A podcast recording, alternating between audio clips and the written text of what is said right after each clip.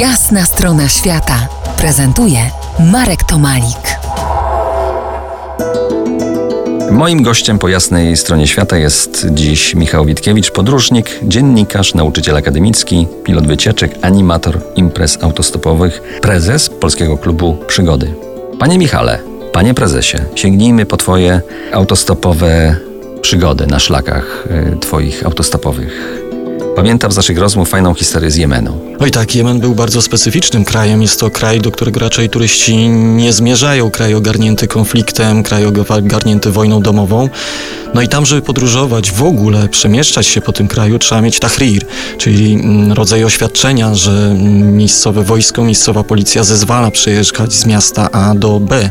Nie funkcjonuje tam komunikacja w zasadzie publiczna, tylko pomiędzy głównymi miastami coś takiego można spotkać, więc ja podróżowałem autostopem. I żeby złapać autostop, musiałem mieć to oświadczenie, no ale żeby zdobyć oświadczenie, musiałem znaleźć e, kierowcę, który mnie przewiezie. I to było komiczne, bo ja szedłem zawsze na komisariat albo posterunek wojskowy, komisariat policji i to oni mi łapali stopa, a było to takie śmieszne, bo oni po prostu wychodzili na drogę z kałachem, zatrzymywali pierwszy lepszy samochód, wywlekali tam często pasażera i mnie wsadzali, a ci ludzie na początku byli mocno przestraszeni, bo nie wiedzieli, kim ja jestem, skoro mam taką władzę, że, że tutaj wywlekają kogoś z samochodu i, i każą mnie zabrać. No to jest nieprawdopodobna historia, co opowiadasz, bo to jest takie militarne e, tutaj podejście do, do, do tematu e, takiego wolnego po, podróżowania autostopowego. A twoje przygody z innych krajów, e, Brazylia na przykład? No Brazylia bardzo osobliwa, bardzo fajni kierowcy. Ale często... to niebezpieczny kraj jest przecież. No, są rejony bezpieczne i niebezpieczne, tak. Y, oczywiście każdy może y, różnego typu przygody nabrać. Mi Brazylia się kojarzy z bardzo pogodnymi ludźmi, z wesołymi, często upalonymi czymś, często napitymi. Na pewno to, co mnie też w Brazylii zaskoczyło, to troszkę inne podejście do wiary, tak. Niby chrześcijaństwo, ale zupełnie inna, inne podejście do tej wiary, aniżeli w Polsce. Jak to się przekłada tam na, na autostop?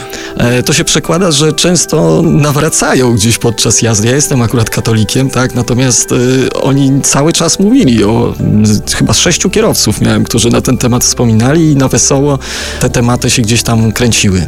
Kolejne międzynarodowe mistrzostwa autostopu w maju. Słyszałem, że tym razem Ukraina wam się marzy.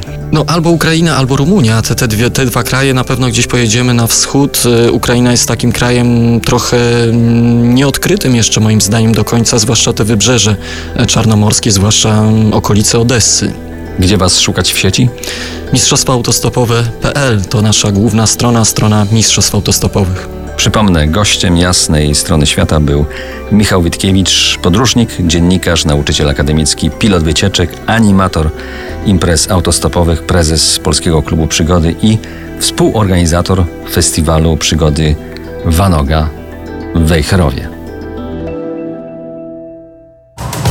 To była jasna strona świata w RMF Classic.